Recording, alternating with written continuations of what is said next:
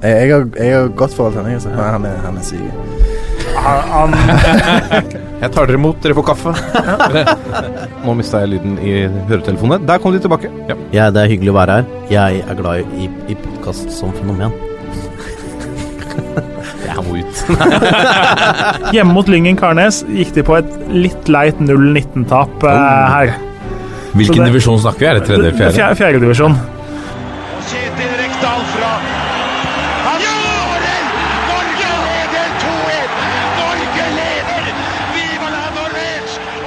Og der er uh, toppfotball tilbake igjen etter en liten eh, ukes eh, ufrivillig pause. Undertegnede var nødt til å snike seg med på den eminente podkasten Pyro Pivo før Morten Galaasen forsvant eh, ned i det tyske riket og sørget for at Union Berlin endelig rykket opp. For de som ikke har sett den videoen, gå inn på, på Twitter via retweeta eh, den eh, nydelige feiringen av Union Berlins eh, opprykk. Eh, Men i dette studioet handler det jo som oftest mye mer om norsk fotball. I norsk eh, fotballsammenheng så har vi et jubileum i år. Josimar feirer ti år som Norges viktigste fotballmagasin. De har vist seg uredde både ved å starte et papirmagasin i papirmagasinets nedgangstid, men også med en rekke kritiske saker. Uanfekta av makteliten i norsk og internasjonal fotball har de satt gravejournalistikken i sentrum og fungert som en irriterende vaktbikkje og tidvis Football Leagues forlengede arm. Men Josimar handler ikke bare om fotballskandaler, penger i skatteparadis og tvilsomme kontrakter. De har levert dybdestoff i, som ligabibler, analyser og reportasjer av høy klasse i ti år. Sammen med bl.a. andre Frode Lia har Lars Johnsen vært med helt fra starten. Han omtales av Frode Lea selv som ryggmargen i Josemar. Velkommen i studio, Lars Johnsen, og gratulerer med jubileet. Jo, takk. Takk, takk for um, Jeg ble til begge deler. Liksom. ja. Føler du deg som en del av ryggmargen i, i Josemar? Uh, Ikke vær så politisk korrekt nå. jeg, jeg gjør jo det. Jeg har jo vært med fra første utgave og, ja, og til i dag. Jeg er jo en av dem som har båret det. Og du nevnte Du dro jo opp eh, en del av tinga vi har gjort eller står for, og det som antageligvis mange kjenner oss uh, som nå, da. Det er litt den vaktbikkjerollen. Uh, og det har jo jeg Det har jo på en måte vært min rolle også hele veien. Så jeg blir litt sånn ansikt utad for mange, tror jeg. ja Ja, fordi vi snakket litt om det før vi gikk i studio. Veldig mange som ikke leser Josemar jevnlig, forbinder nok kanskje bladet med nettopp kun den vaktbikkjesaken. Det- Noen ganger så rulles det fram i, i andre aviser som, som f.eks. Fifa-skandalen i, i Qatar. Um, Mm. Stabæk, uh, ulike Stabæk-saker osv. Uh, og, og folk forbinder Josemar med det, men dere er jo veldig mye mer enn en bare de gravesakene der. Absolutt. Vi har jo holdt på i ti år med å levere mm, Hva er det vi, Frode pleier å si at vi skal være eh, smale i det brede, eller brede i det smale. Så at, altså, vi, vi, vi kan ha en tolv sider om nedrykksstriden i, i Frankrike i 1978, hvor de hadde et litt sånn merkelig uh, system med målforskjell osv. Eh, eller eh, intervjuer og, og analyse av rumensk fjerdedivisjon eh, til å avsløre ting helt øverst på toppen av fotballens sånn maktpyramide. Da. Så vi er liksom alt imellom der, og, og legger ikke Altså går ikke av veien for å sette av god plass til liksom virkelig god nerdestoff. Også fotballtaktiske ting, altså som her, er rent sånn faglige ting. Eh, derfor har vi jo en av våre Jeg vil tippe at en av våre mm, skal vi si største abonnentskare, da, eller i en største abonnentsgruppe, kan du si, i hele skaren, er jo dem som på en måte er veldig opptatt av det faglige, som er fotballtrenere på aldersbestemt nivå osv. Så, videre. så det er, vi er, det er Ja, det er alt. Så det, vi er ikke bare den vaktbikkjerollen, men vi er det òg, blitt kanskje mer og mer det, da. Fra det det på en måte starta som. Vil du si at det er Altså At dere er viktige? Det er jo egentlig opp til andre å, å eh, bedømme om vi er det eller ikke, men ja, vi tar jo opp de tinga vi mener er viktige for fotballen. Altså hvor det går hvor, Altså maktforhold, eh, overganger Altså bransjen. Tar liksom eh, bransjen på alvor, som, vi- som ikke har vært gjort før, egentlig. Så vi mener jo at dette er en viktig jobb, da. Om, om vi, om andre syns eh, vi er viktig, det er jo litt syns jeg er litt vanskelig å svare på, men jeg har jo følelsen at eh, noen gjør det, i hvert fall. Men det er jo ikke så mange altså I, i Norge så er det jo litt unike. Altså, det, det gjøres godt arbeid med gravejournalistikk i, i, i VG, andre aviser også. Men, men eh, det går litt lengre tid mellom, mellom hver gang. Og så har vi jo Football Leaks som har kommet. kommet. Eh, hvilke andre type eh, medier internasjonalt er det som er gode på akkurat dette? Ja, det er et godt spørsmål. Eh, det er jo altså sånn som New York Times og sånn, da. Eh, The Guardian har jo noe På soccer, liksom? Ja, det er jo veldig lite Ja, jeg tenker på hvis vi tenker New York Times, ja, for eksempel. Eh, L'Equipe eh, i Frankrike, Gazzetta dello Sport eksempel i Italia, har jo, var jo gode på De har jo avdekka dopingskader i sykkel, selv om de var sponsor Nei, nå blander jeg kanskje med, med L'Equipe eh, i Frankrike. Altså, men at man har turt å både være spille på lag med idretten, men ta tak i eh, de store utfordringer. De store altså, problemstillinger som doping og sånne ting. Eh, Süddeutsche Zeitung i Tyskland, eksempel. Det er for lite, da. Det i, i, Med tanke på at hvor stor fotballen er sånn eh, økonomisk eh, I økonomiske midler og omsetning og den, den biten. Da. Og, og ikke minst hvor mye oppmerksomhet det tar fra oss. Mm. Eller vi, hvor mye oppmerksomhet vi gir det. Mm. Det er jo kan jo se fotball hver dag. Vi skal jo se en kamp i kveld, tenker jeg, noen av oss. Eksempel, som er lagt i et land med brokete menneskerettighetshistorikk, for å si det mer pent, da. Mm. Så det er nok å ta, ta tak i, og det blir jo egentlig tatt for lite tak i overalt. Er det tøffere å gjøre det i Norge, et land med litt over fem millioner innbyggere, kontra eh, New York Times, da, eksempel? Altså, størrelsen på New York Times og Josemar kan jo ikke sammenlignes, men, men et større land, da. At det er eh, Fordi det er klart at det vil Det er vanskelig å gjemme seg bort her, etter å ha kanskje veltet eller rullet opp en stor skandale. Egentlig burde det jo være lettere, da, i større Altså, de store mediehusene har jo et eh, noen ressurser som vi bare kan drømme om, og det er jo det som du, Der hvor du får de gode sakene, hvor du kan sette av folk til å jobbe langsiktig. For hvis du skal ha et sånn ordentlig godt graveprosjekt, så er det mange, mange, mange av de spora du er innom, som kanskje renner ut i sanda. Du har brukt lang tid, jeg har brukt en måned på liksom å finne ut av en viss problemstilling, og så får du ikke liksom det siste dokumentet på plass. Så da må du bare legge bort det, og så må du begynne på nytt med et annet. Ikke sant? Sånne. Så det tar veldig lang tid, og det har jo de store avisene internasjonalt virkelig muligheten til å gjøre. Men det gjør det jo egentlig ikke i så veldig stor grad, da. Det minner litt om etterforskningsarbeid. Det er jo, det, det er jo nettopp det der. Det er jo det liksom, den, den gode gravejournalistikken er. Det. det er jo absolutt alle de som har gjort det over lang tid, forteller jo det. Det er jo, det er jo etterforskning. Liksom. Mm. Så um, det gjøres altfor lite av, da, uansett. Vi skal selvfølgelig snakke mye mer eh, med deg, eh, Lars, og om deg og Josimar, men nå skal vi ha rundens øyeblikk. Dette er toppfotball. Da er vi kommet til rundens øyeblikk, eh, og du har plukka ut et eh, fra Bærum, Lars. Ja, det er jo mitt favorittlag. Mm. Uh, og ettersom jeg har lov til å plukke ut øyeblikk uh, divisjonene, eller eller nedafor det vi kan kalle toppfotball, eller profffotballen, Absolutt. Så mm, dessverre fikk jeg ikke vært der, men Bærum leverte jo en kanonkamp mot, i derby mot Asker nå i helga, og vant 4-0. Mm. Og 3-0-målet var jo et fantastisk stykke arbeid fra Hva er man kaller det i hockey? Nord, sør eller øst-vest? Altså helt liksom Man spiller seg helt fram fra, fra egen halvdel. Fra småspill innenfor egen 16 med keeper på små marginer, hvor det ender med en skudd fra distanse av Martin Berg til 3-0, som var eh, Det vil jeg anbefale alle å, å søke opp, og det ligger på annet på Twitter og Ja, vi har retweeta det også. Ja. Nydelig scoring. Det er noe du ikke ser så ofte på det nivået, faktisk. Ja, men jeg mener jeg har sett eh, noen sånne varianter fra Bærum tidligere.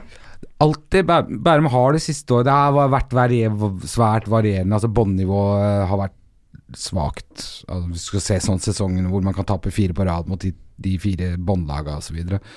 Men de har alltid noen Det er alltid bra fotballferdigheter i laget, Mm. som du da får, du får sett av og til.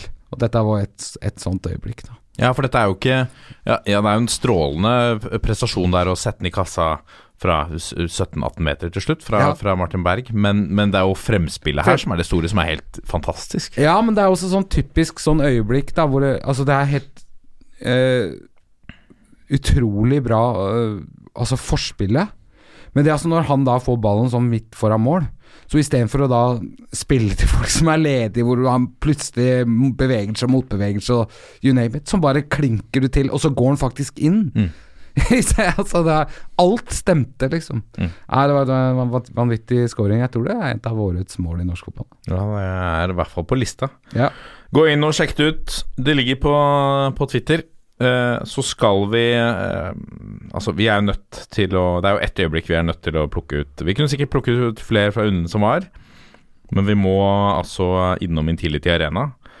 Eh, Lillestrøm mot alle odds, eller hvis Lasse Wangstein hadde vært her Han ramsa jo opp alle grunnene til at Lillestrøm ikke skulle vinne på Twitter, og med det så sa han at derfor kommer de til å vinne. Eh, det lå så innmari i kortene. Uh, Vålerenga var, eh, var favoritter, var i, var i dytten. Eh, Lillestrøm i motgang. Eh, mye statistikk som talte mot Lillestrøm. Og eh, Lasse Wangstein er vel en av Vålerengas største jinxer. Så når han eh, melder noe sånt, så eh, pleier det å gå troll i ord. Dessverre gjorde det denne gangen også for Vålerenga.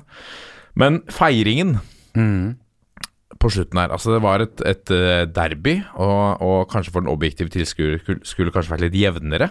Men det var trøkk, og det var lyd, og, og så blir det feira med da altså at eh, det som var Fort Intility for Vålinga sto med fire strake hjemmeseire, og så kommer Alexander Megalvis og tar på en eller annen måte eh, Markerer at de har kapret dette fortet, da.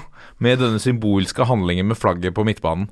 Eh, selv med et hjerte for Vålerenga, nå får jeg kanskje noen uvenner, så er det noe gøy med å fyre opp eh, litt stemning. Syns du ikke det, Lars? Absolutt. Eh, Det er jo Jeg, jeg mener det, man, man kan se eh, tilløp til kamper i Norge med litt sånn internasjonale snitt. Altså når Hvis Brann og Rosenborg f.eks. skulle vært i en gullkamp, sånn helt på slutten hvor det er litt sånn de to største nest, eller de to nest største byene, hvis det går an å si det sånn, mot hverandre, og to byer som koker, og det er mange tilreisende osv. Mm. Men utover det så er det én kamp med internasjonal City i Norge, og det er Lillestrøm og Vålerenga. Hvor det er eh, spesielt på Åråsen, ettersom den alltid er liksom størrelsesmessig passa det publikumstallet Eller som Ja, det, som man pleier å ha, da. Mm. Men nå har jo Vålerenga det, det samme, altså med Intility, som er bratte tribuner og intimt osv. Så, videre. så eh, Og så var det jo en kamp som sier, det var, mye snakk på forhånd. Alle jeg kjenner som holder med Lillestrøm, sa "Nei, dette her frykter det verste. Eller dette her går bare ikke. Altså De er veldig pessimistiske, eh, og så vinner de 3-0, og så kommer flagget i, i bakken. Men så greier man jo heller ikke plante det flagget i bakken. Nei, fordi jeg tror det er kunst det det er nå, ikke sant? At eh, vi prøver å være litt sånn helt ultras, liksom, og tyrkisk og sett plante flagg i Og så går det ikke fordi vi har kunstgress. Litt sånn eh, norsk vri oppi, oppi det litt internasjonale over det. Ja. Og banestorming og eh, ja, folk i baris og Nei, det var mye, mye moro rundt det, altså. ja.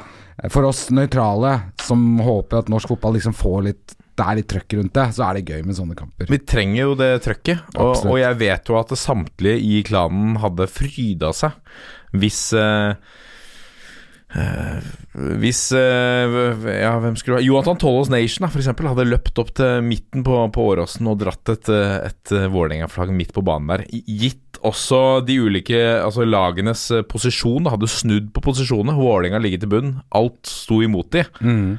For det, De har jo sikkert merket det òg, at det har vært et press på det laget. De har jo masse motgang. Mm. Og så er det, må det være en stor frihetsfølelse å på en måte få ut den proppen, og det mot selveste Vålerenga. Mm. Ja, ja, nei, det er helt klart. Det er det beste som finnes, det. Så Ja. det, det, er, det, er, det er sånn vi vil ha det, da, Ja. i norsk fotball. Trøkk! Det er deilig. Dette er toppfotball. Og så må vi snakke mer med deg, eh, Lars, om deg og om eh, Josimar. Ti år, eh, det begynte i 2009. Hvordan er Hvordan har det forandra seg eh, Hvordan er det annerledes nå å jobbe i Josimar? Både med tanke på selve arbeidet med ja, artikler og, og sånne ting, også, men også forholdet til omverdenen, kontra hvordan det var for ti år siden. Ja, altså da, da Josimar starta Det er jo Frode Lia da som starta det, som var redaktør inntil nå rett før jul. Eh, sparte opp sine egne penger. Og bakgrunnen for det var jo i, de, I 2009 var jo nettet på vei til å liksom ta over hele eh, mark... Altså, hva skal man si, medie... Det, det blei mer og mer nett, da. Eh, og selv papiravisene blei mer og mer nettaktig. Altså det ble mindre større, Man blåste opp bilder, det ble mindre, mindre tekst. Det var mye, mye mindre eh, langlesning. Eh, og, Frode er svært interessert i fotball, og litt sånn nølete ting. Og, altså du, fikk, du kom liksom aldri noe under, under liksom overflaten i det tradisjonelle medielandskapet. Han så en nisje der, da. Det var flere som var interessert i det. Eh, og fotballen hadde jo også fått en sånn litterær, tradisjon. Vi har jo hatt den med Solstad og Michelet i Norge, men den kom jo liksom på fullt på 90-tallet og, og vokste. Eh, man ville ha et langlesningstidsskrift, egentlig, liksom, som var liksom sånn Kunne kose, sette deg ned, kose deg, og lese godt om fotball. Og, eh, men det skulle alltid være en litt sånn kritisk snitt over det. Altså man skulle, man skulle ha en litt sånn kritisk tilnærming til, til, eh, til fotballen og til bransjen osv. Men det, det er noe som på en måte Til det vi er i dag, det utvikla seg litt sånn underveis, da. Um, så jeg var jo frilanser på den tida, og leverte liksom alt mulig, da. Um, mer om Etter hvert det, Den siste saken jeg egentlig leverte før jeg ble ansatt, var om Jim Solbakken, og det var vel den som egentlig satte oss på kartet som noe mer eh, enn et sånn nerdemagasin som det var kjent for fram til da, i hvert fall. Egentlig, tenker jeg. Jim Solbakken-saken, hva, I 2014, ja. Eh, hva var det? Der, eh, det var altså Der vi skrev om hvordan Jim Solbakken opererte på flere sider av bordet i sin virksomhet som agent, da. Hvor han både representerte klubber og spillere. Eh, han var gjerne da Det ble eksemplifisert gjennom, uh, gjennom den uh, overgangen til Mambi Biram Diouf fra Molde til Manchester United, hvor han på hele veien var Dioufs agent. Uh, og, men da papirene ble signert, så han altså, hadde han representert Molde. Og han var jo inne i varmen i Manchester United også på den tida, så kan man egentlig se om han representerte egentlig alle parter. Men i hvert fall sånn uh, Utenfor papiret så var han Diofs agent, på papiret var han Moldes agent, så det var jo sånn de facto dobbeltrepresentasjon. Og det var ikke lov, da, på den tida. Hvorfor er ikke det lov? Nå, nå, er det nå er jo reglene annerledes, men det er, var jo uh, for at man skal, man skal jo representere sin klient fullt og helt. Dette er jo en økonomisk transaksjon. Altså Man sitter og forhandler om enten på vegne av klubb, hvor man kjøper eh, klubb overfor klubb, da. Hvor man, handler, man, man kjøper jo et, et verdipapir, eller et aktiva, da. Spilleren, eh, altså. Eh, en, en investering, og forhandler om, om det. Eller så forhandler man jo på vegne av klubb overfor spilleren, eller for spilleren overfor klubb, hvor man skal forsøke å sikre seg en best mulig deal for klienten sin. Og da er det vanskelig eh, å gjøre det, eh, egentlig, hvis man skal representere flere parter. Da, og da må man jo begynne hvor man egentlig representerte lommeboka si, på en måte. Det, blir, det er jo det det eh, bunner ut i, da. Eh, og det var en måte Hva skal man si? Det var norsk fotballs dårligst bevarte hemmelighet, på en måte.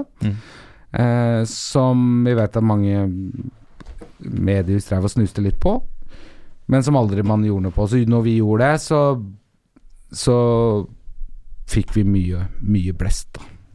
Mye pes? Ja, det òg, men det snudde jo fort da når vi eh, Vi fikk, vi fikk Han Jim Solbakken var bekjent i media, så vi fikk en del sånne eh, saker hvor vi, vi ble angrepet og sånn, rett og slett. Eh, men det la vi, vi Vi, vi vant den En drittbakke, liksom? Ja, det, rett og slett. Vi ble jo oppringt sjøl også, hvor, vi, hvor jeg prøv, ble prøvd satt på eh, uh, Dratt ut på glattisen. eh, Hvordan da? Hvordan?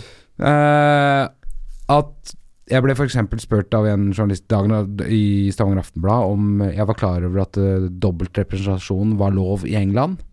Nei, det var ikke jeg klar over, svarte jeg. Eh, og da ble det dratt opp i uh, avisa, uh, og Jim Solbakken der, der ser du, journalistene kan ikke jobben sin. Men det var helt irrelevant for den saken her, for det her var en internasjonal overgang. Eh, og da gjelder Fifa-regelverket, så det var, liksom, det var ikke relevant for de sakene vi tok opp, da. Og sånn fikk han lov til å så litt, rann, da. fikk lov til å bare spy ut litt, rann, hva skal jeg si Vi hadde ikke uttrykket fake news, men han hadde ropt det, da. Eh, Jim ja, Jim Solbakken hadde ropt, brukt det i dag, kan Mm. du si. Det var det tilsvarende et, et sånt når Donald Trump roper fake news. Mm. Eh, men så hadde vi, kom jo VG på banen med en, et tilsvarende tilfelle av Jonathan Parr, som bygde opp under det vi hadde allerede skrevet om, da.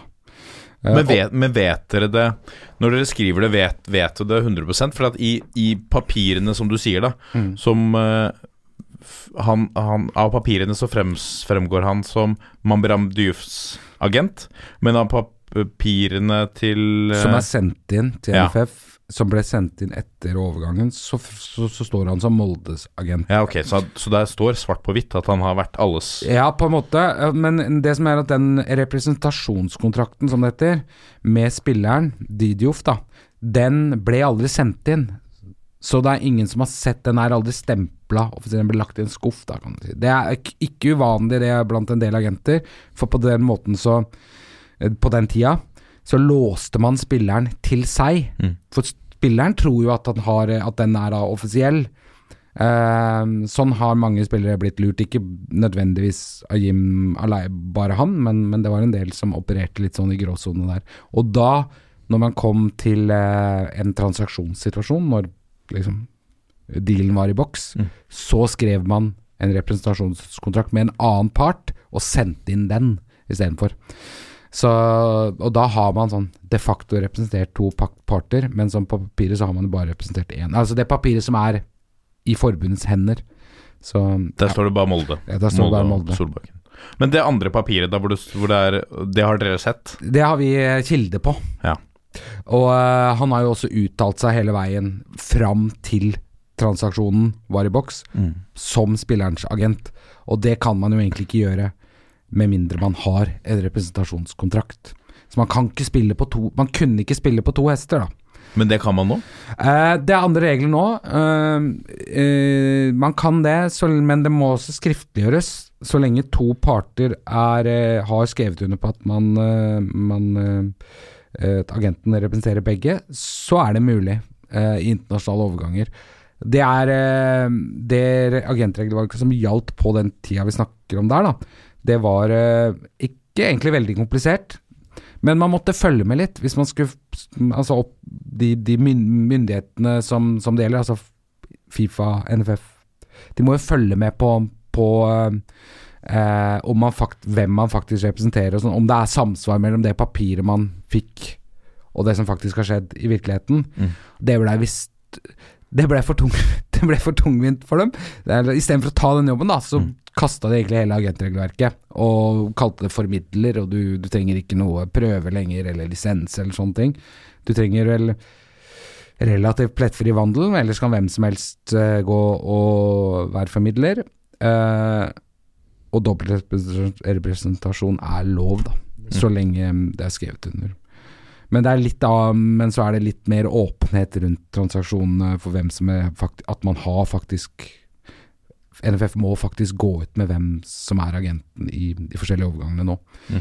Eller hvis jeg henvender meg da til NFF, så skal jeg få vite hvem som eh, hvem eh, Jim Solbakken representerte i f.eks. i forrige overgang. Mm.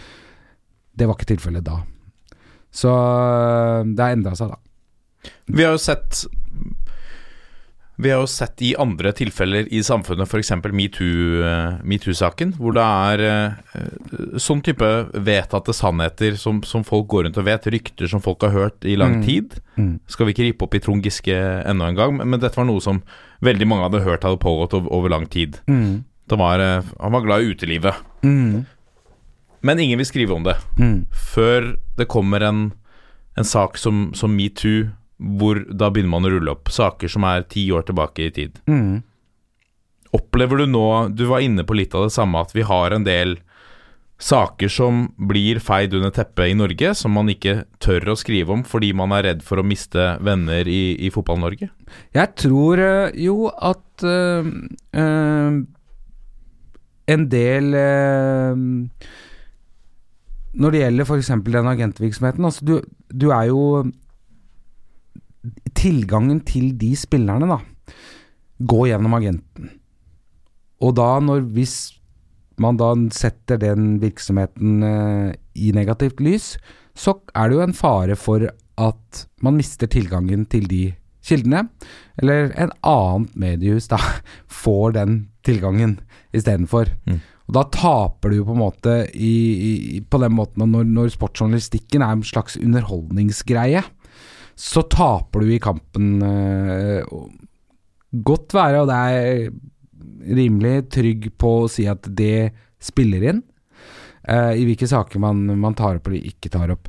Og det, det er jo Da vi skrev om uh, Jim Solbakken, så fikk vi jo neste gang vi skulle intervjue Ole Gunnar Solskjær i forbindelse med vår tippeligabibel, som vi kalte det, hvor vi intervjua alle fotballtrenere, så nekta jo han å la seg intervjue pga. at vi hadde skrevet negativt om Jim. Så det, Han, han, sa det som grunnen?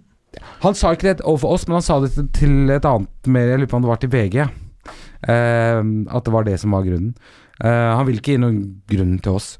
Eh, så da Det bekrefta jo det, kan du si det, uh, forestillingen vi hadde om at eh, det var en del av grunnen til at man ikke gikk hele linja med Jim Solbakkens eh, og kikka på Jim Solbakkens virksomhet, for han hadde jo liksom monopol da på den tida. Han fikk jo dette, de fikk jo dette Statoil-akademiet, altså Solskjær-akademiet som vi kaller det, Equinor talentleir som det heter nå.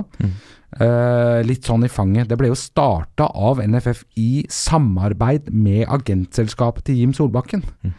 Så det var jo en viss en, en favorisering der som um, ikke helt tåler dagens lys, egentlig. Mm. For det du gjør, er at du gir en agent tilgang på de største talentene i Norge. Ja, I regi av Fotballforbundet. I regi av fotball. De største talentene var plukka ut av NFF-kretsene, da. Og gitt gitt på en eller annen måte til Jim Solbakken. Ja. Så da kan han stå kunne stå og plukke ut de Men var det en automatikk i at de fikk ta en agentavtale med Jim Solbakken? Nei, altså det, ikke, det var vel på det tidspunktet ikke helt stuereint å ha agentavtale med så unge, heller, men uh, det var eh, jo mange av dem da som uh, var på den leiren, Mm. Uh, endte jo opp i, kan du si, porteføljen hans. Det, øh, men det noe, det var ikke noen sånn forutsetninger for å bli med der sånn i utgangspunktet at du må, du må være klar over det at øh, blir du tatt ut her, må du signe med Jim. Det, er, det, det sto jo aldri sånn i kontrakten heller. Men, øh, men du får jo litt sånn Det er jo ingen andre der som slipper inn der, kan du si. Nei. Så Må vi ta forbehold om at Jim Solbakken og mange av de vi snakker om i denne episoden, ikke er her til, Ja. å, til å forsvare seg, men, men eh, vi får uh, Dette er også Josi Mars og, og, Lars Johnsens eh, resultat av uh, grundig kildearbeid, så vi får legge det til grunn. Ja, uh, og han har jo aldri svart oss i etterkant heller, i alle eventuelt andre saker vi har skrevet om. Så og han trua, trua med søksmål, men det har heller ikke kommet. Hvis han ville vært her, da, hva ville du spurt han om? Uh, Jeg ville ha stilt alle de spørsmålene som vi har vært inne på, men problemet er at eh, opplever jo Altså, det ene intervjuet jeg har hatt med han, da, som var i forbindelse med denne Da, da, ble, da snakker man bare om noe annet. Eh, så det tar lang tid, du, for at du må la folk snakke. Det ville gjort seg dårlig som en sånn podkast-samtale, på en måte. Det ville vært en veldig redigert versjon. Jeg ville snakka om, eh, om, eh, om dobbeltroller. Og hvordan det er å, å gå fra den ene sida til den andre. uh, hele tida. Har gjort det i alle år. Uh, jeg vil ha snakka om uh, hvorfor han anbefaler spillerne sine å investere penger i Luxembourg. Jeg ville spurt han om Vet vi det, da? Ja, jeg vet det. Eh, det har vi også skrevet om. Og jeg ville også spurt han om denne SAR-saken. Hvordan det er å være agent for en som er eh, vært tiltalt, men frikjent, da, men tiltalt og fortsatt for eh, sovevoldtekt. Mm. Eh, og hjelpe han til en klubb i utlandet. Hvordan han resonnerte rundt det. Sånne ting. Eh, jeg ville ha måttet forberede meg godt. Jeg vil ikke ta alt, kan ikke ta alt på spark nå.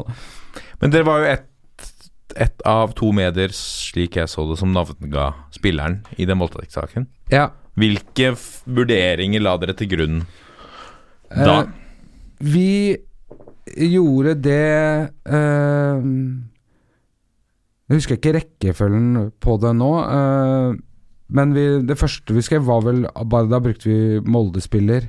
Eh, og det, alle, det var liksom sånn Det var ikke noe Det var jo eh, Jeg husker ikke rekkefølgen, faktisk, og hva som kom først. Men vi, vi gjorde det i så fall for å altså, kaste lys over andre, da. Eh, som som eh, eh, Det er jo der det problemet ligger med sånne anonymiseringer. At du kaster Hvem er, hvem er Molde-spiller? Er det en eliteseriespiller? Hvor, hvor vidt skal du kaste det nettet, da? Um, men den første saken vi skrev, var jo om en ny voldtektsanmeldelse mot en Molde-spiller. Eh, og han Hvor vi ikke brukte navn, vel. Men det er jo lett å identifisere når Vi identifiserte han da gjennom at det var i sammenheng med de andre tilfellene, da. Mm.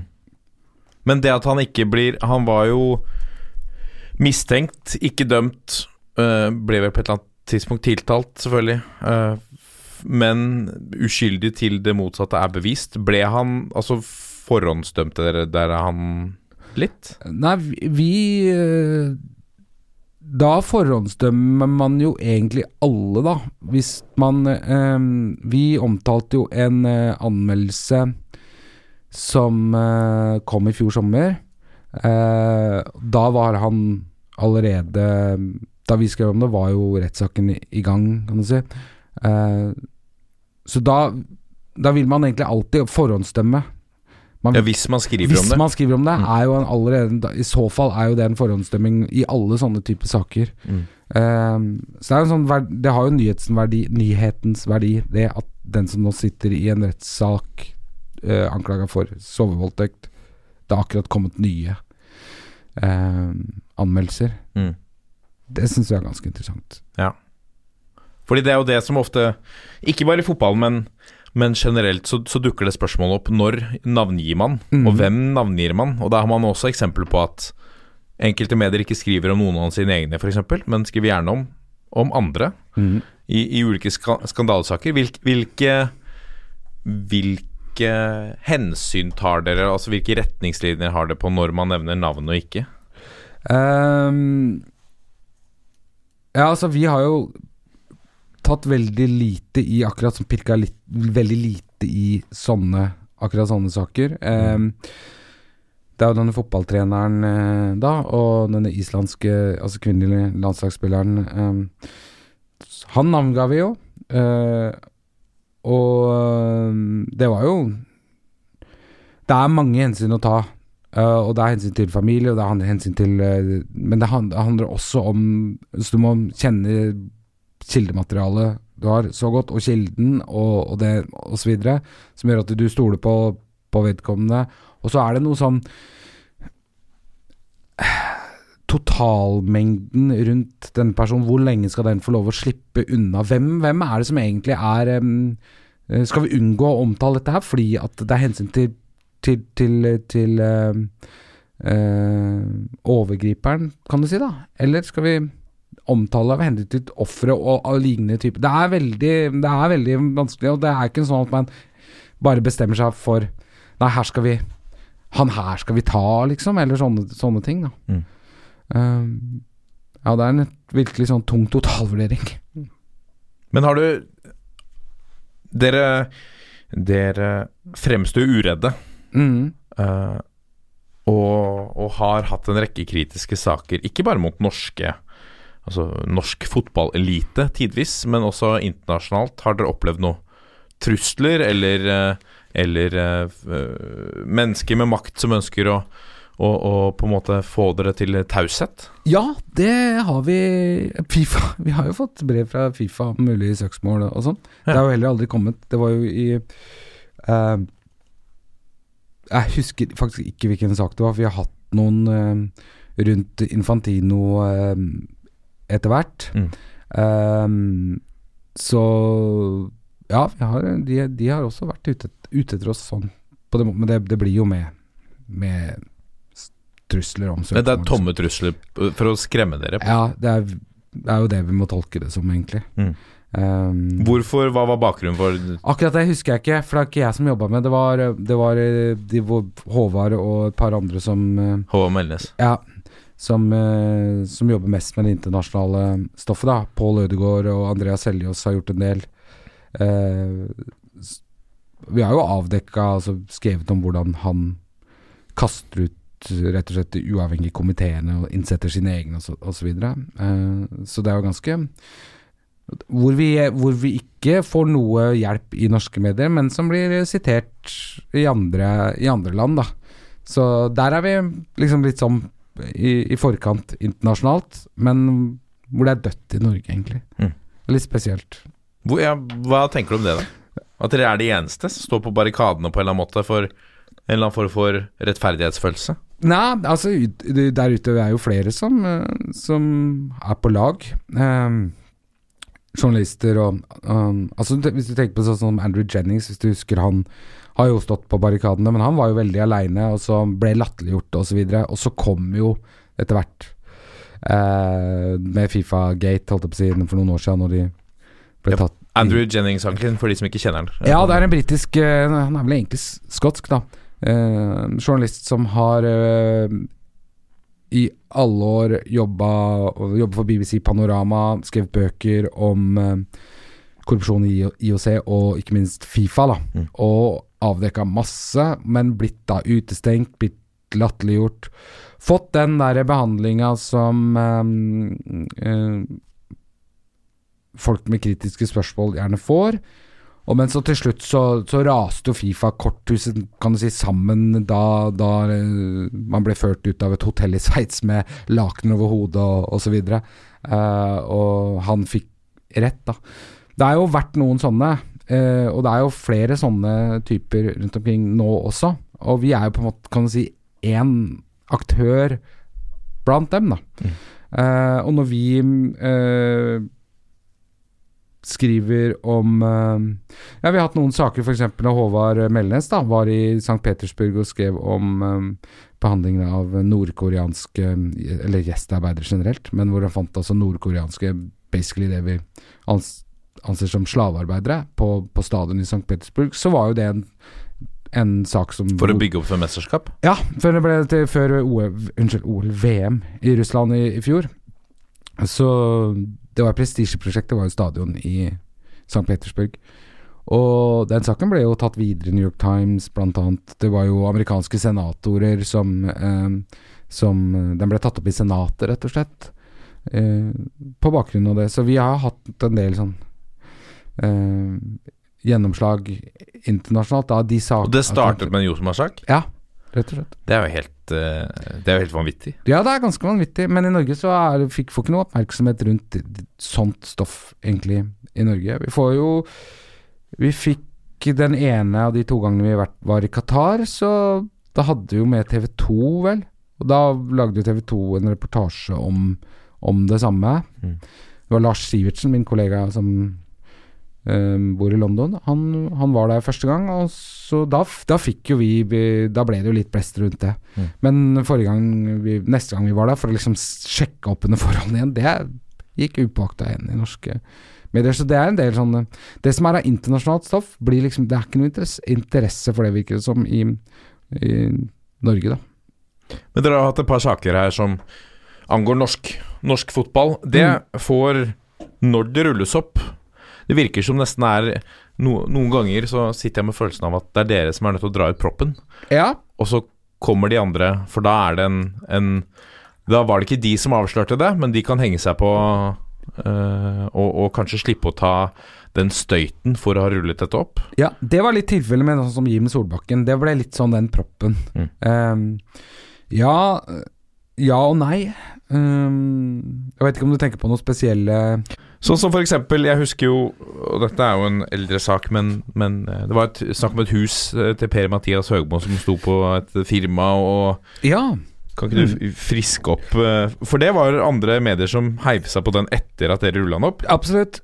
Det var jo egentlig en ganske gammel sak som vi tok opp i 2016, men den strakk seg jo liksom tilbake til 2000-2003, og uh, som ble aktualisert gjennom at en eh, varsler i en bank Rygge Våler Sparebank, som var da banken til Per som finansierte disse huskjøpene.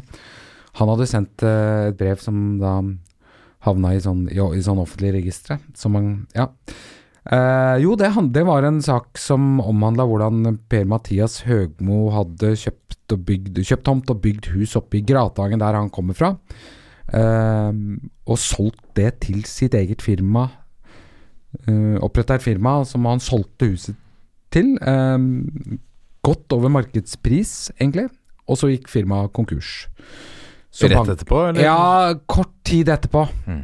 Husker ikke akkurat, men det er, vi snakker om liksom at uh, tomta ble kjøpt i 2000 og alt Altså Det var vel uh, opp og avgjort bo i 2003 eller noe der omkring. Ikke arrester meg på det, for det, det, saken ligger ute, så det er jo mulig å lese opp. Men, Mm.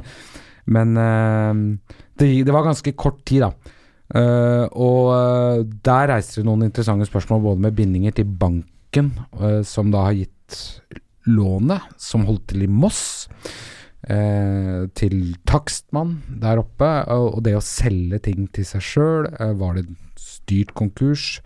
Altså for at hvis du bygger noe i et sted hvor det ikke er noe boligmarked som vi kjenner til på sentrale østlandsområdet, så får du gjerne Så er byggekostnaden dyrere enn markedsprisen. Da. Mm. Så jeg var der oppe og kikka på husa som hadde solgt de nest, de nest Hva skal man si? De topp ti på lista over høyest uh, dyreste boliger osv. Så, videre. så den ruga Ruva på topp. Ja. Så den, den ble Der hengte en del medier seg på, ja. Men var det ulo er det ulovlig å selge til seg selv, eller er det moralsk? på siden. Eh, det var jo Nei, altså vi tar jo egentlig aldri stand Vi, vi lar jo andre vurdere det, på en måte. Det var jo eh, flere som stilte noen spørsmål til Stilte spørsmål rundt eh, lovligheten av det, ja. Eh, og måten det foregikk på. Hvem er det som Har man da eh, Jeg husker ikke, husker ikke paragrafene som eventuelt det gjaldt, men eh, ja, det var det var jo kilder som stilte spørsmål rundt det. Mm.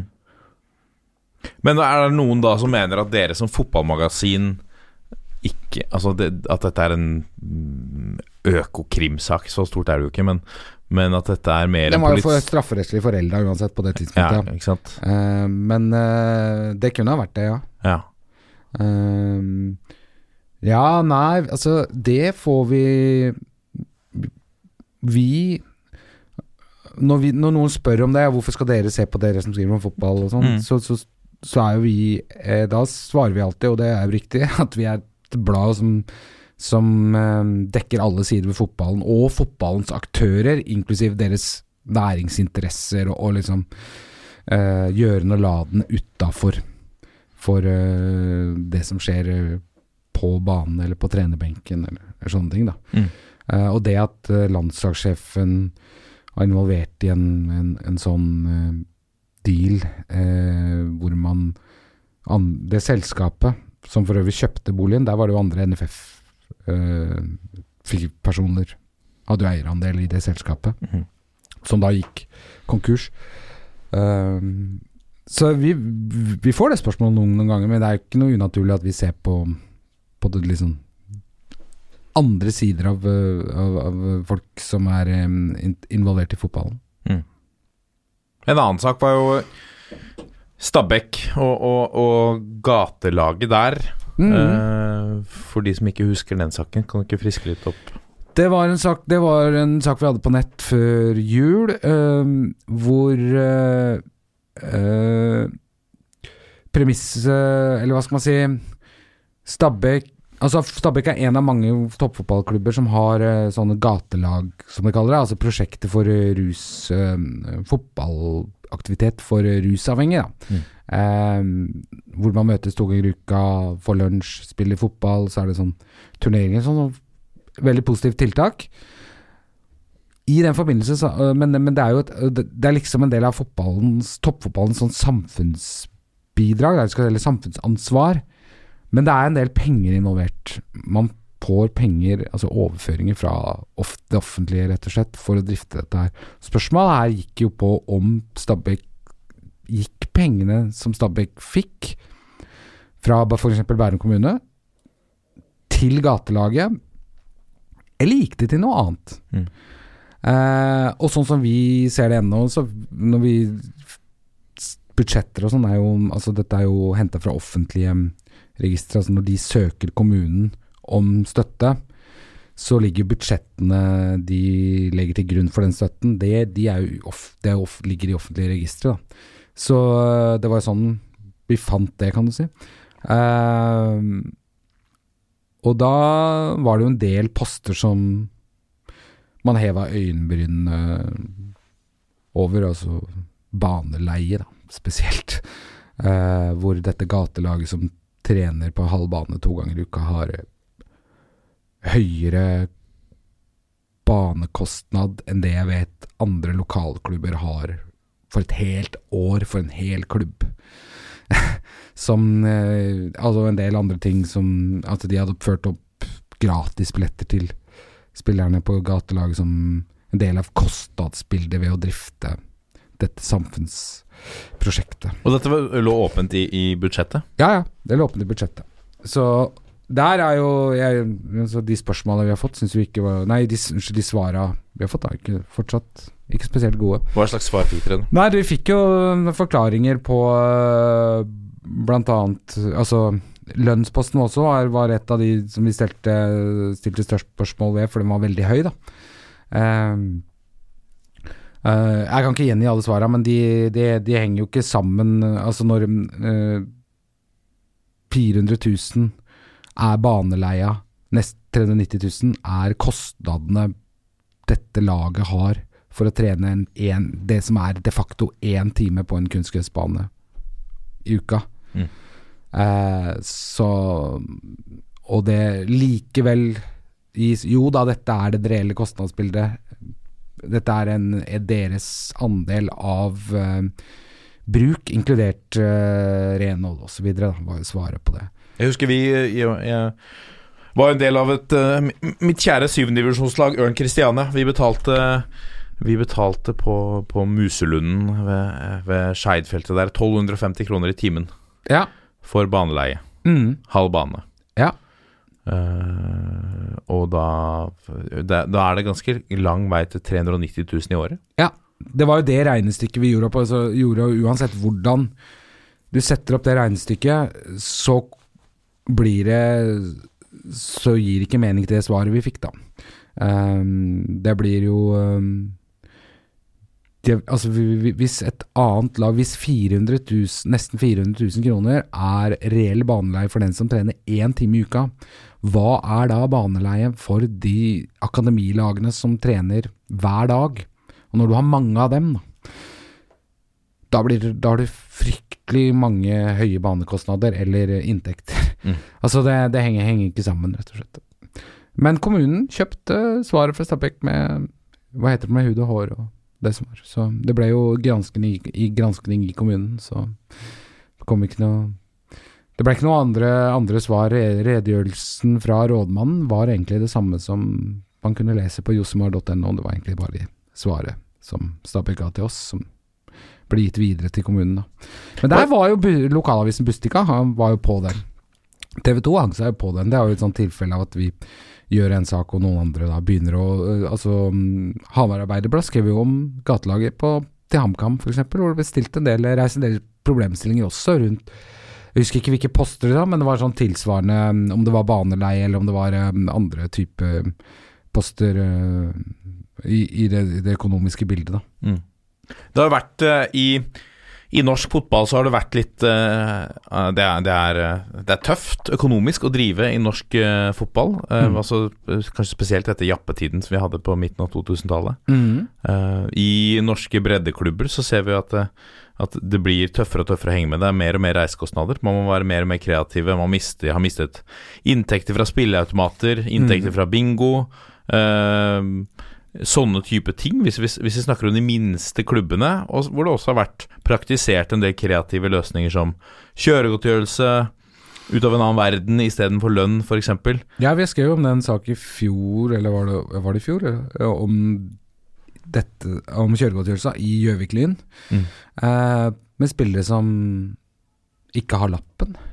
Eller, og- eller ikke i hvert fall ikke disponerer bil, da. Mm. Bor ved siden av treningsstadion, og ble, ble skrevet Fikk en bunke kjøreregninger. Det er spilleren sjøl som uttaler.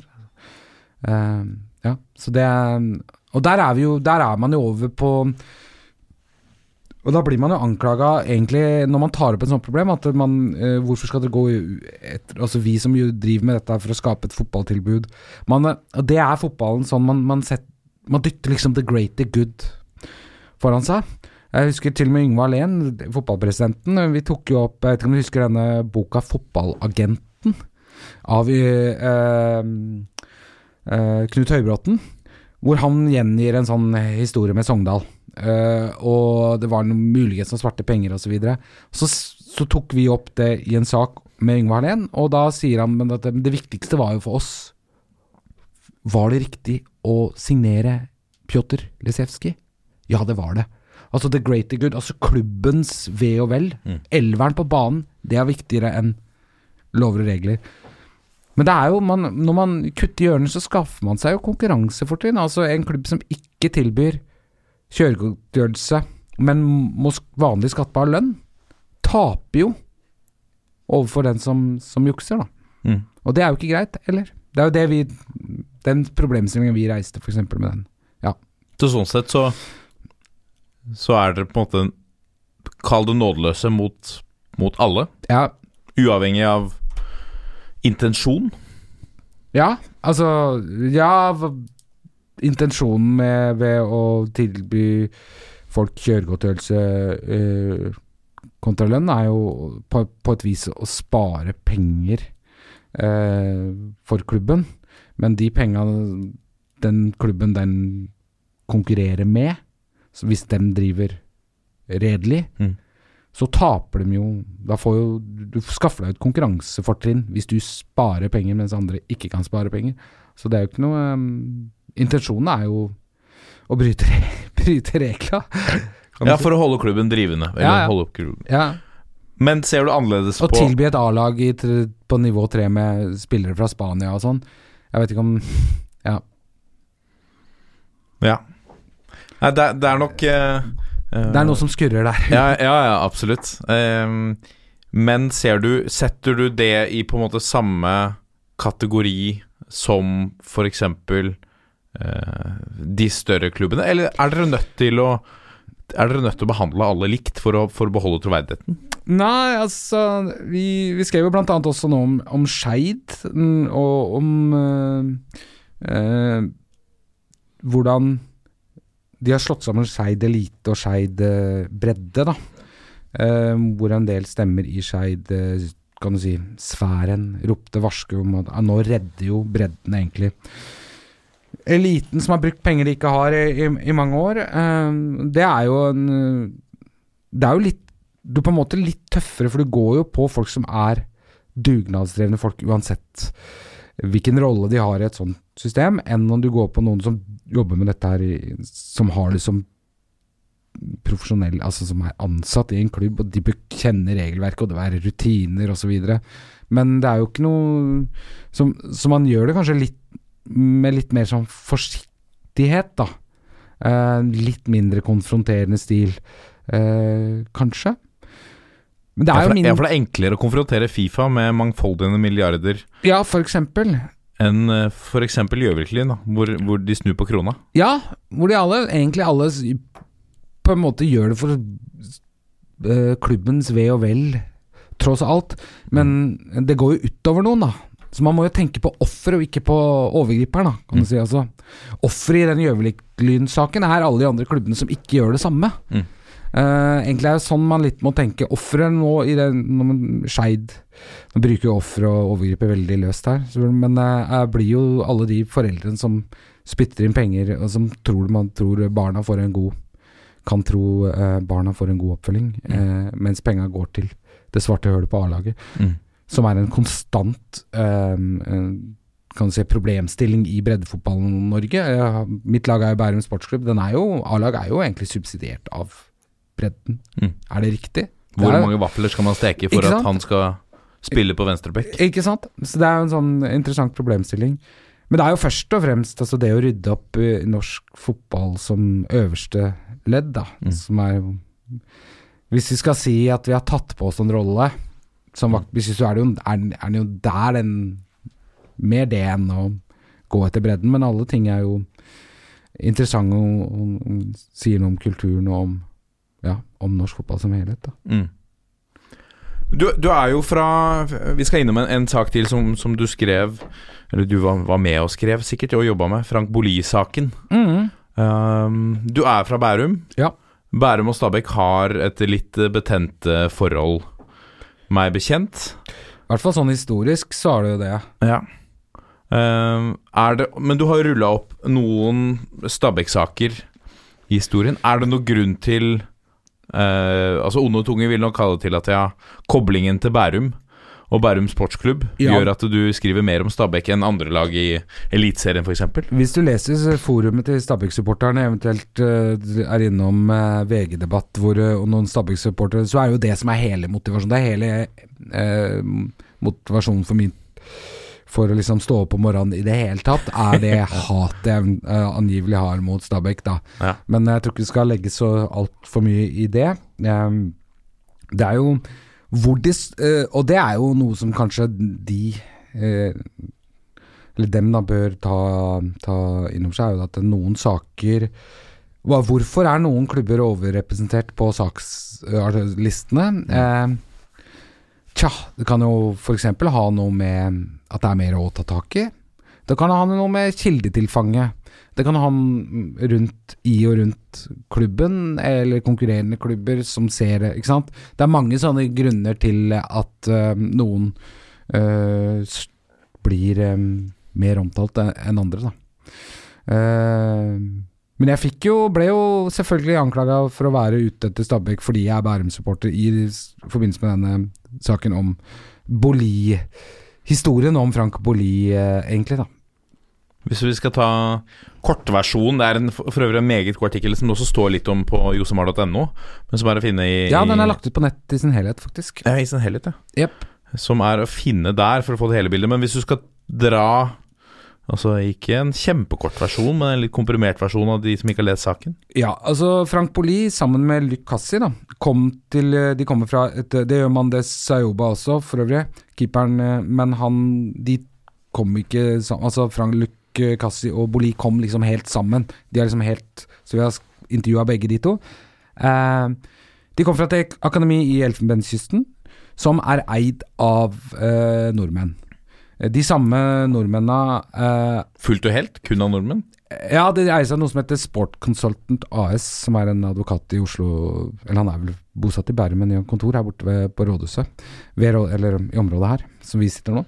Eh, Harald Grape heter han som er hovedaksjonær da, i det selskapet. Eh, og s- de samarbeider med Stabæk.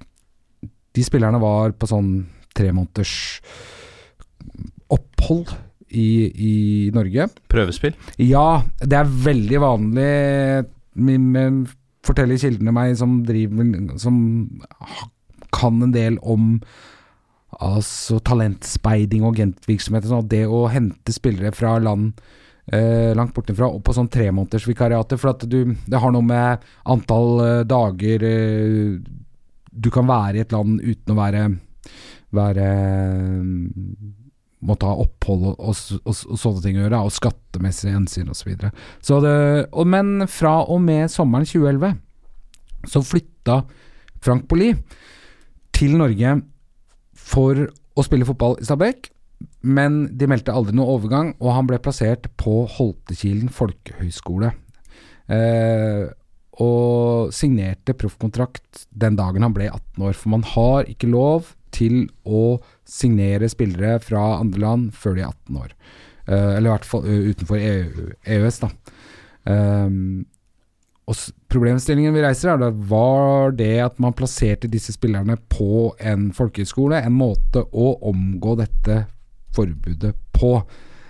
Stabæk vil ikke svare på det, eller noen av de andre aktørene som vi har vært i kontakt med. Eh, og Boli ble jo en, en kjempespiller. Han ble jo en stor Han er jo fortsatt en stor hit, Mm. og ble solgt til Kina i 2015 for eh, ja, tosifret antall millioner. Um, og der slår vi den hvem skal ha de penga.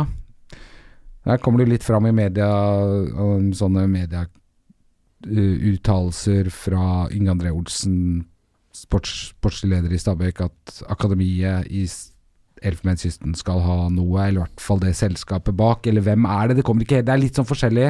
Så, så har vi prøvd å få tak i Inge André Olsen for å svare på det.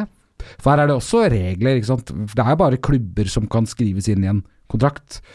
Uh, det er ikke noe sånn selskap egentlig som kan ta ut penger, med mindre det er det som vi kaller tredjeparts eierskap, men da er man jo ikke en sånn Da er man jo ikke en eh, Det blir litt annerledes, da. Uh, det er jo interessant å finne ut, men de svarer jo ikke på det. Uh, og så da Boli kom tilbake til Norge, så ble det altså uttalt i norske medier at han kom til Ålesund på lån fra klubben i Kina. Men det stemmer ikke. Eh, det ble en sånn vedtatt sannhet. Det som- Hvordan ble den vedtatt sannhet? Eh, sannsynligvis fordi den ble gjentatt av noen i Ålesund, som eh, eh, leder i Ålesund, som eh, til Sunnmørsposten. Så ble det formidla videre. Så alle har gått rundt og trodd, trodd det at han Så jeg tok kontakt med NFF, eh, spurte For nå er jo akkurat dette åpent med hvem som representerer hvem i overganger. Så spurte NFF hvem i denne låneovergangen her Hvem representerte spillerne sånn agent, Hvilke var agentene her? Uh, og da fikk jeg beskjed om at det var ikke noe låneovergang. Han, det var en permanent overgang fra en klubb i Elfenbenskysten. Mm. Så han har altså da ikke gått til Åles slik det har blitt fortalt i norske medier, og, men til eh, via Elfenbenskysten. Noe han sier han ikke var klar over at han signerte noe kontrakt osv. Han var, var der hjemme på ferie, eh, og ble da, gikk da til Ålesund. Han, re, han ble re-registrert i Elfenbenskysten som amatør. Og så snakker vi om Norge, den heiteste spilleren i Tippeligaen eh, året før, var plutselig en amatør i hjemlandet, og så han, gikk han til Ålesund, gratis. Eh, som jo da er litt spesielt når Inge André Olsen bare kort tid i forveien sier til diverse medier at eh, han kunne vi tenke oss å hente tilbake, men det har vi ikke råd til. Så her, hva, hva er det som foregår her? Og det skal jo da legges til at denne klubben i Elfenbenskysten eies av det samme selskapet som disse spillerne kommer fra, som er, altså, som er agentene, hvor agentene og ja, eierne er i, sånn, på en måte i samme båt. da. Men hvordan gikk han fra Kina til til, eh, tilbake til klubben i Elfenbenskysten?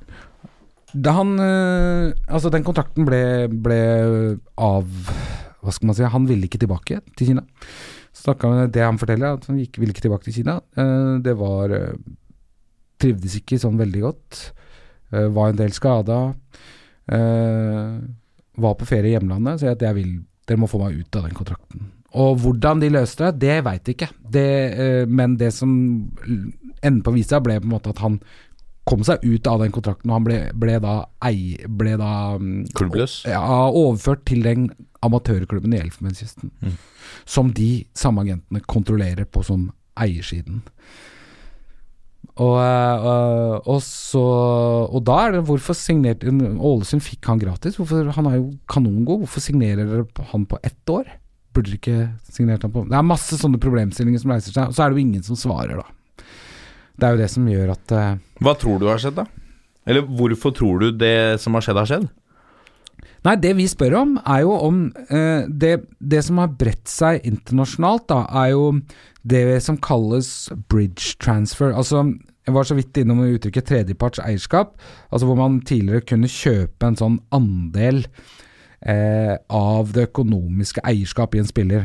Altså En arbeidsspillers arbeidskontrakt ligger alltid hos klubben hans, men det økonomiske altså den, Hva skal man si? Gevinsten. Gevinsten, ja. Mm. Du kan kjøpe deg inn i den. Det var vanlig måte å finansiere overganger sånn på. Så sitter det en investor på sida som når spilleren blir solgt, så får han 30% for det var det han ikke sant, hadde avtale om.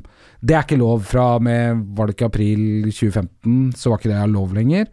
Så det er en kreativ løsning der, er jo da at man ruter overganger via klubber man sjøl kontrollerer, eller eier, eller på et annet vis kontrollerer. Eh, sånn at overgangssummene likevel ender i lomma på investor eller agenter, eller, andre, eller at man gjør det av andre skattemessige hensyn. Det er jo det vi stiller spørsmål om. Mm. Det vil ikke de svare på. For hvordan har det seg at dere, som, de som eier akademiet og denne klubben, og er agenter, eh, kontrollerer liksom hele pengestrømmen? Er det det de gjør, eller hva? Men eh, ja, vi får, ikke noe svar på det når du ikke spør, men vi må stille det spørsmålet. For det er veldig merkelig at det, det blir uttalt at eh, en spiller kommer til Norge på lån, og så gjør han ikke det. Han kommer fra Den heiteste spilleren i, i norsk serie blir plutselig registrert som amatør i et afrikansk land, og så dukker han opp i Norge på fri transfer. Mm. Her, Men hvorfor gikk, han ikke, hvorfor gikk han ikke til eh, Hvis de kontrollerte ham, hvorfor, eh, hvorfor gikk han ikke til Stabæk, da? Ja, det er jo det vi syns er et interessant spørsmål. For Inge André Olsen sier jo også at der er øh, øh, Nei, vi har ikke råd, sa han i forkant. Når han ble intervjua om Vil dere Aboli er nå i, i dialog med Ålesund. Er ikke dere interessert? Jo, vi er kjempeinteressert, men det har vi ikke råd til. Eh, Hvorfor tror du at han gikk til Det- Altså Hvorfor tror du han angiv, de angivelig lot han gå til Ålesund? det, det har jeg egentlig ikke noe formening om, for at det ville jeg, ville jeg gjerne stilt dem spørsmål om. Hvorfor gikk han dit uh, i det hele tatt? Og det, men det som også er interessant fra et Stabæk-perspektiv, er at når, når altså overgangen som uh, hvor penger er involvert, Mm. genererer solidaritetsmidler.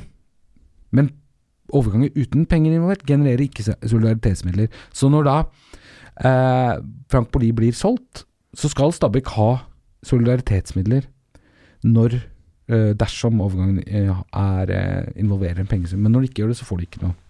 Eh, da får de eh, sånn utdanningskampus, det er litt annet, men det er jo det er mindre, da. Mm.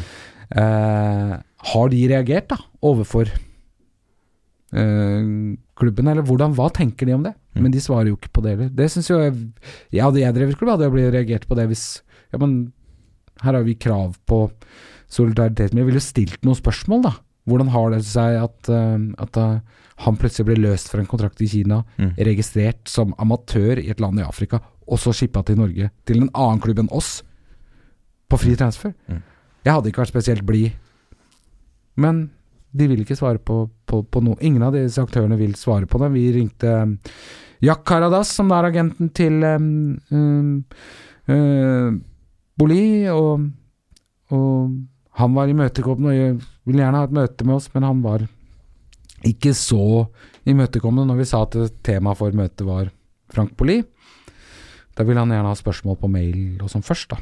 Og så kunne vi ta et møte etterpå, og det fikk han da, så hørte vi ikke noe mer. Så da Harald Grape, som er eier av dette akademiet, som eier denne klubben igjen, da, i Elfenbenskysten, eh, vil ha spørsmål på mail og skal svare på det over helga. Det er noen helger siden nå, kan du si. Så Stabæk ikke lyd fra seg heller.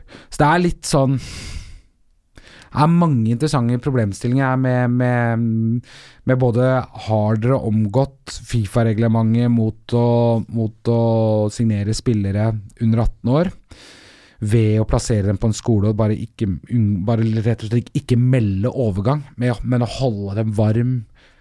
Eh, Men det ble jo litt oppmerksomhet rundt dette i Molde også, mener jeg å huske. Da de signerte de de Joff-gutta gikk jo på, på folkehøyskole der. Mm, jeg vet ikke, Var det samme Jeg vet ikke hvordan det ble løst uh, da.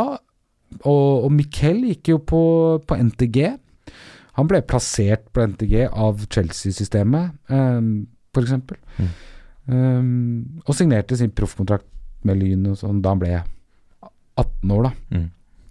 Du har jo ikke lov til å spille organiserte kamper så lenge du ikke har meldt overgang. Men Bolio eksempel og Fran Lucassi spilte jo andre typer kamper, da. Så er det en omgåelse av regelverket, og, og hvordan har det foregått? Det er jo veldig interessant. Og når ingen svarer, Mm. da, da tenker vi at da syns vi det er greit å skrive om det, og skrive spørsmålene. Dette her er det som liksom Her ringer det. Her ringer det en bjelle. Her ringer det en bjelle. Her ringer en bjelle. For vi er jo såpass kyndige sjøl om bransjen eh, og regelverk osv. at jeg syns det er rett og rimelig å kunne si det. At, men hvordan løste dere den A? Altså, eh, scenario A er ikke lov. Hvordan løste dere det, når dere fikk til scenario B, liksom? Oppi alt dette. Så det, ja.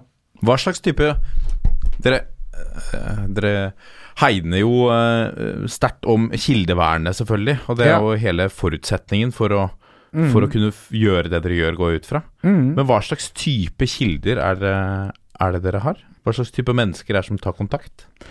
Eh, det er eh, Altså, det er alle mulige. Eh, vi får jo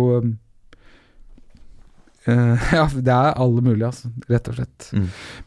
Det er jo ikke sånn at eh, sportsdirektører ringer meg ned for Nei, å sladre på andre sportsdirektører. Men det er jo Det er jo en, en, en av grunnene til at du kan ha lyttet til denne podkasten her, eller at Josmar er et blad, at det er et marked for oss, er at det er utrolig stor interesse i lille Norge for fotball fra alle mulige Det er jo der vi på en måte fant vår nisje. Uh, så det er utrolig mange kyndige folk som kan påpeke noen Altså, her, dette er et spor. Dette, bør, bør, bør ikke dere se på dette her? Så etter hvert så er det Fra å finne alle sakene sjøl, så kommer det en del tips. Men jeg kan ikke Jeg kan ikke si noe annet enn uh, Gi noen annen karakteristikk enn at det er um, oppegående fotballelskere, egentlig, Mm. som tar kontakt med oss med, med noe de med, med tips om hva som kan være relevant for oss å skrive om og se på. Er det mye korrupsjon i Fotball-Norge? Ja, Det spørs hva man mener med korrupsjon. da. Det er ikke Folk har vel et inntrykk av at korrupsjon er en sånn eh, brune konvolutter under hotelldørsprekker og sånn.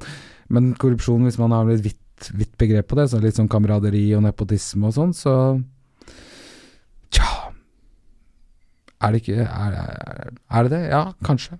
Mm. Jeg tror kanskje det er mer enn det folk liker å tro. Samrøre, da. Mer kanskje en sånn reinspikka korrupsjon, liksom. Mm. Så Vet du mye som du ikke kan skrive om? Ja Ja.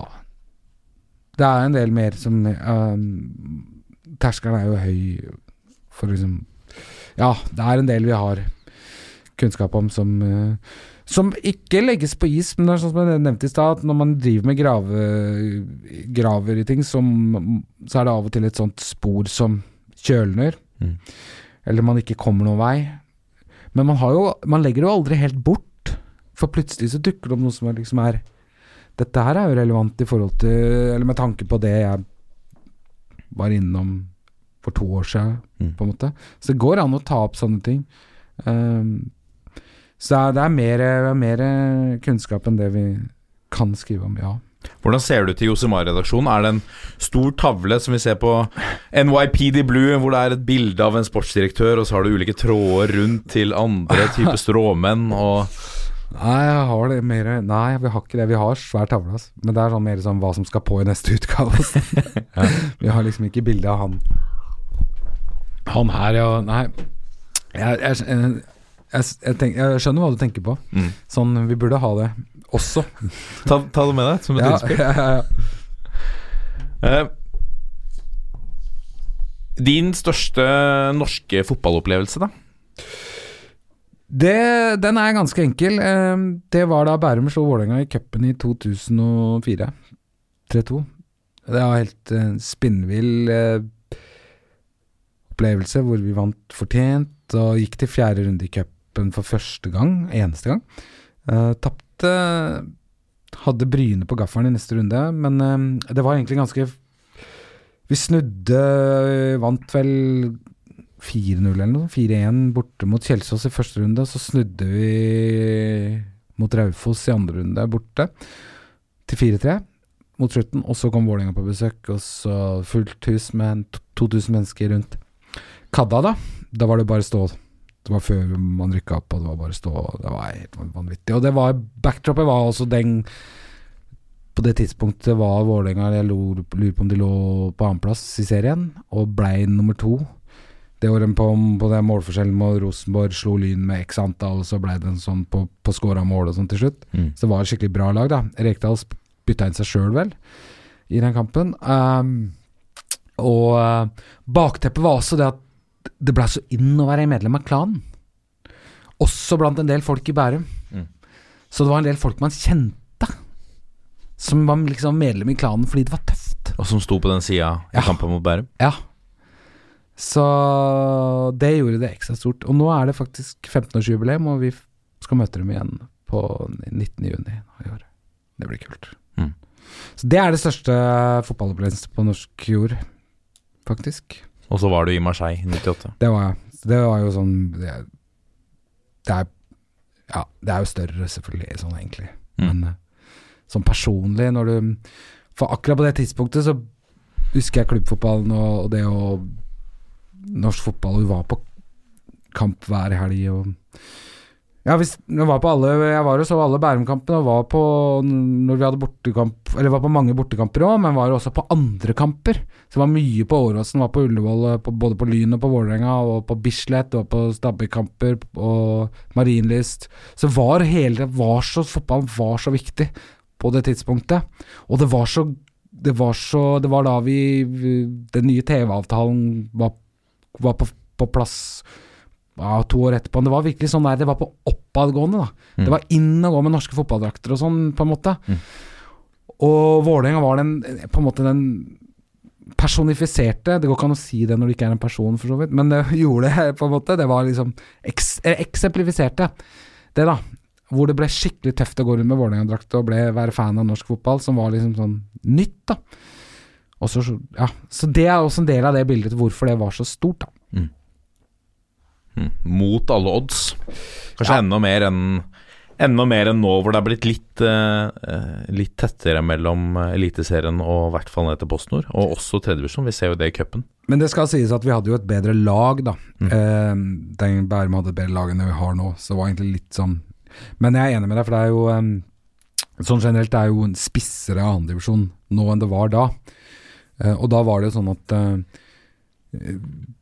Hadde du flaks, så var jo Det var jo en, ett lag som rykka opp, så var du nest best, men, men ikke var du, var du tydelig nest best, så kunne serien være avgjort i i august, ikke sant. Mm. Så du fikk jo en halv sesong som du bare egentlig slo Ålesund 2 og Molde 2 og, og så, med ti mål, og så var det veldig lite sånn spennende, da. Mm. Uh, det syns jeg er veldig positivt med, med det at man spisser andredivisjon til to avdelinger. Og så har jeg bedt deg sette opp din fire norske fotballstjerners middag, som vi gjør når vi får prominente gjester. Hvor du er en av stjernene, og så inviterer du tre andre nåværende eller tidligere fotballprofiler. Det kan jo være så mangt. Hva, eh, hvem skal du invitere, og hva har du tenkt å lage til dem? Jeg øhm, Skal du ha liksom en sånn lang sånn intro, sånn at vi snakker dem veldig opp, eller vil du bare ha navnene? Sånn Nei, jeg vil gjerne ha litt Hvorfor vil jeg gjerne ha? Ja, jeg inviterer eh, da Firestjerners middag eh,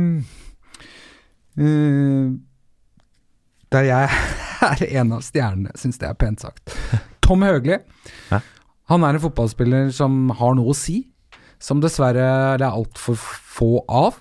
Um, som kan uh, hvor, Ja, rett og slett kan være en interessant, sånn, det er en interessant samtale.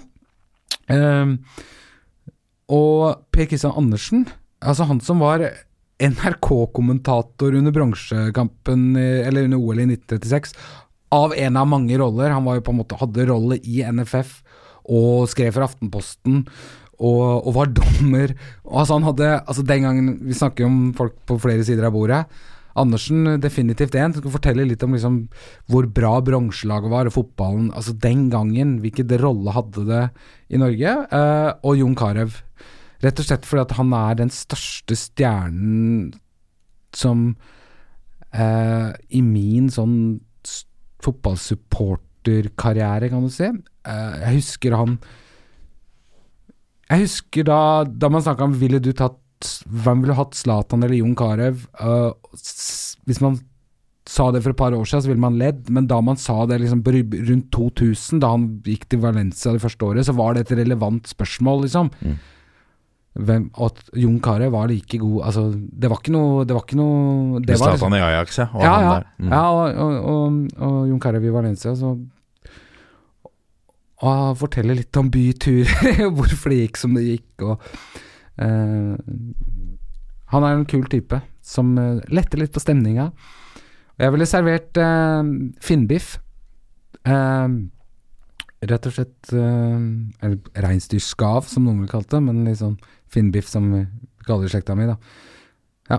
Som vi, så jeg og Tom Høgli kunne feire vårt felles samiske opphav, da. Så, Ja, ikke sant? Så det hadde vært, det hadde vært koselig. Jeg henger Også meg så litt med en god, godt øl, da. Ja. Eh, noen ale av noe slag.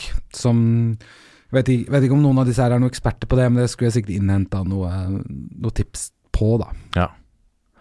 Jeg henger meg på det med, med Jon Carew. Det har vi snakka om noen ganger i dette programmet. At han er Han, han var en superstjerne, og han, Ja. og han oppførte seg jo også som en superstjerne. Han var, eh, han var svær. Ja. Og jeg husker eh, Det har jeg kanskje fortalt her i dette programmet før, men jeg husker jeg var jeg jobba som kontorassistent i fo Fotballforbundet. Fikk alskens Ja. mulige slags eh, merkelige oppgaver. Men, men jeg husker vi Det var cupfinalefesten, mener jeg det var. Det var da samtidig sammen med NISO spillerutdelinga. Så på Mhm. Grand Hotell så hadde du cupfinalemiddagen med, med vinnerlag og taperlag og alle rundt. Speilsalen på gang. Stemmer. Mm. Og så hadde du da spillerutdel Nei, NISO spillerutdelinga som var da i foajeen eller, eller noe sånt noe ved, ved siden av der. Mm. Så ble det en kjempefest etterpå hvor alle kom inn. Eh, og så etter denne festen så bevegde alle seg bort til, til Living Room i Oslo, i Vika. Ja. Og der husker jeg kom litt seinere, måtte være med å rydde opp og sånn selvfølgelig. Og så kom jeg inn, og der står det Der står jo alle fotballspillerne, stort sett det som kunne krype og gå av norske fotballspillere. Noen med en dame i hver arm og, og litt sånn med, med barn. Mm. Så er vi der en times tid, og så eh, skjer det noe med hele lokalet. Og da er det som, er det, som det stopper opp, Mm. og alle damene snur seg. Og nesten alle gutta også. For da har Jon Carew kommet inn i rommet. Mm. Svær som et hus, med gullkjeder, åpen skjorte. Det bare skjedde noe. Han tok rommet, som de kaller det. Det er helt nydelig. Ja, En, vet jeg. Det er, en superstjerne. Og det, det, han har den sida, men han hadde også Jeg tror egentlig i Norge, da Ikke skjønner hvor Åh, det jeg hater han når jeg skal si det. Ikke skjønner hvor stort noe Nei, er. sant. Men han var eh, mye større enn det ettermælet hans på en måte tilsvarer, da. Ja. Går det an å si det sånn? ja. Ja, han, var, altså han var blant de beste spissene Ja, i Europa på Ja. et tidspunkt. Altså Si topp fem, da, så er vi innafor. absolutt. Og Så han det- skulle vært der. Det skulle han. Dette er toppfotball. Og så har vi fått inn noen lyttespørsmål. Vi rekker ikke alle i, i denne omgang. Det var, kom inn mye bra, men vi, vi kan begynne med et spørsmål fra Martin Skaug, som, som lurer på eh, hva, Må jeg lese dette på dialekt? Altså, han har skrevet det. Hva er de tre største intervjuobjektene han ennå enda ikke har fått tilgang til, og hvordan gravesak skulle du helst gjennomført, forutsatt tilgang til riktig ob- intervjuobjekt, kilder osv.?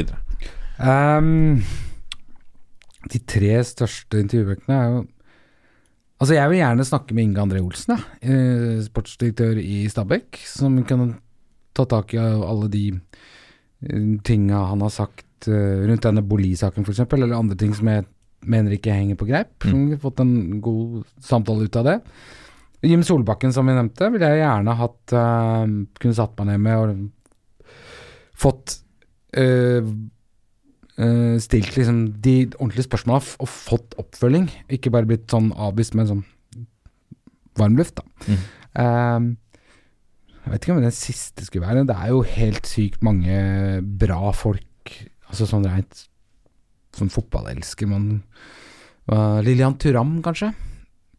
Rett Hvorfor det? Eh, har du sett den derre uh, dokumentar som heter Le Bleu? Som handler om eh, Frankrikes på en måte vek, altså 98-laget, VM-lagets altså vekst og fall, da. Hvordan de ble et uh, symbol på det multikulturelle Frankrike. Hvordan eh, den suksessen det multikulturelle Frankrike var, og hvordan skandalen rundt 2010-VM ble da et symbol på det multikulturelle Frankrike som har gått til skogen. På en måte, og Han har en del refleksjoner rundt det, Uh, og, og, som jeg vil gjerne prate med han om. Mm. Um, hvilken gravesak jeg helst skulle gjennomført? Åh, det er eh, tilgang til riktig Forutsatt tilgang til riktig intervjuobjekt, kilder. Jeg er ganske sikker på eh, at det er en del penger i norsk fotball som går eh, til eh, kontoer i land vi ikke kan sjekke, rett og slett.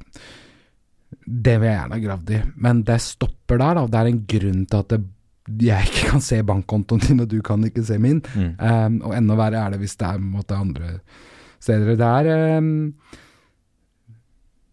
litt mer uh, Altså få virkelig follow the money, altså litt under under, um, under selve liksom bare det. Har dere fått indikasjoner på det?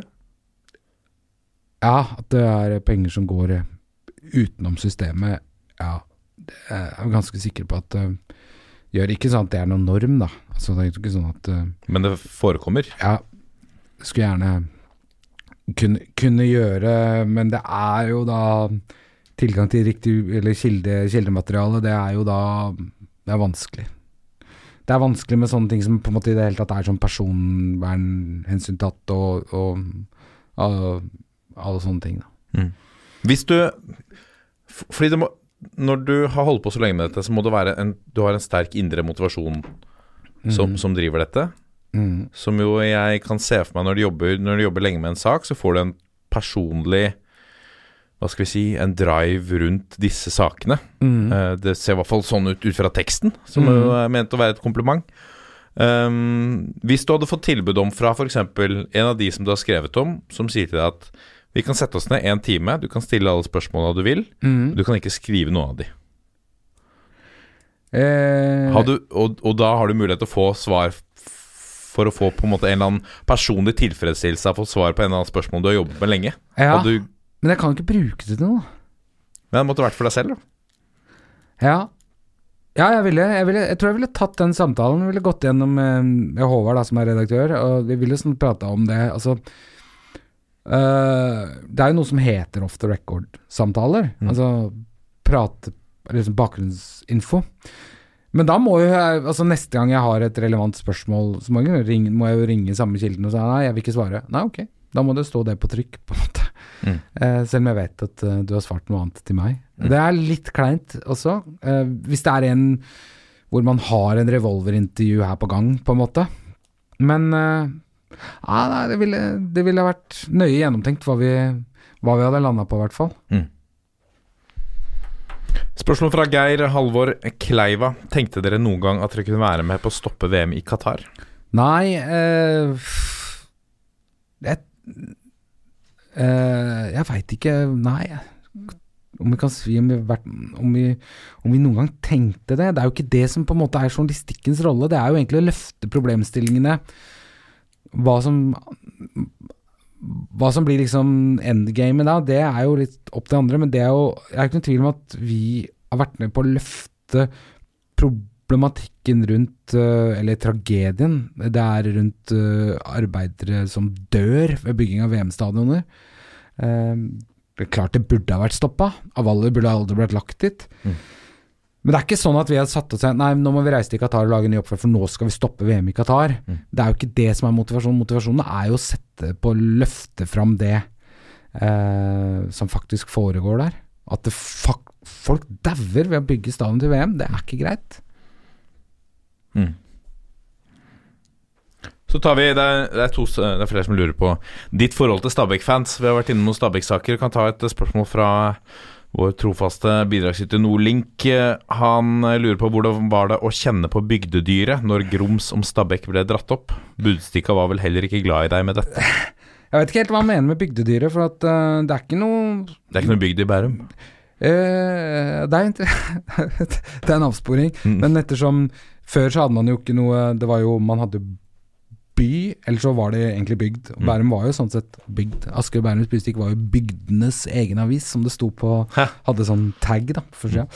Uh, det er ikke noe Bærum er ikke et kommune hvor uh, folk er veldig opptatt av det lokale elitelaget i fotball som du finner i andre steder.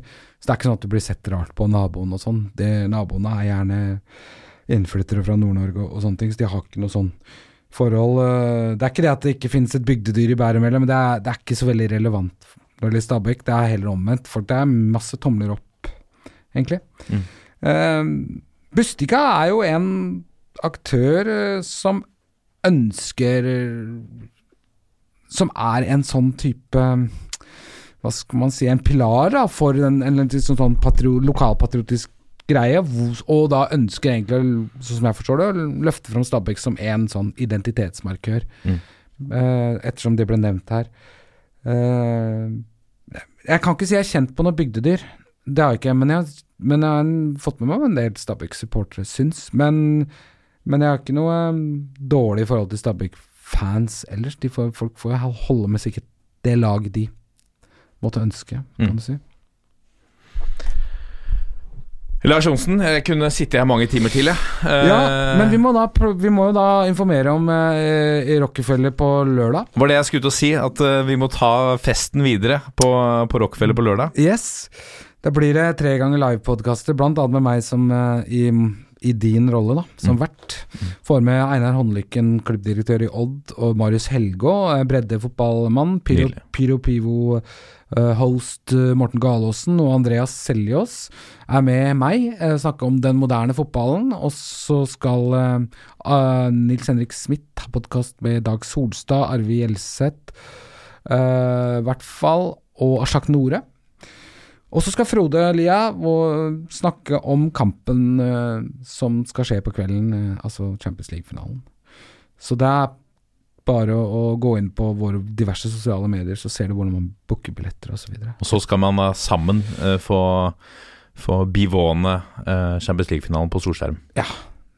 Det blir bra. Det blir nydelig. Det blir Så gå inn og, og kjøp uh, billett. Yes. Det er et uh, Altså, det er en uh, I den grad eh, Skampris heter ikke noe en bra pris. Det er en meget bra pris for eh, nær, nærmere seks timer, sju timer fotballunderholdning. Yes, absolutt.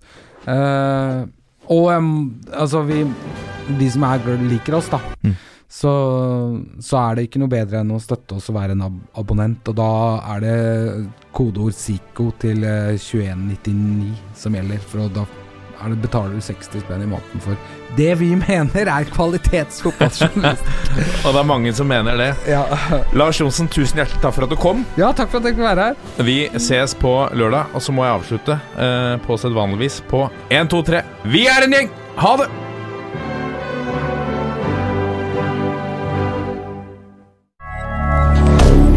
Moderne media.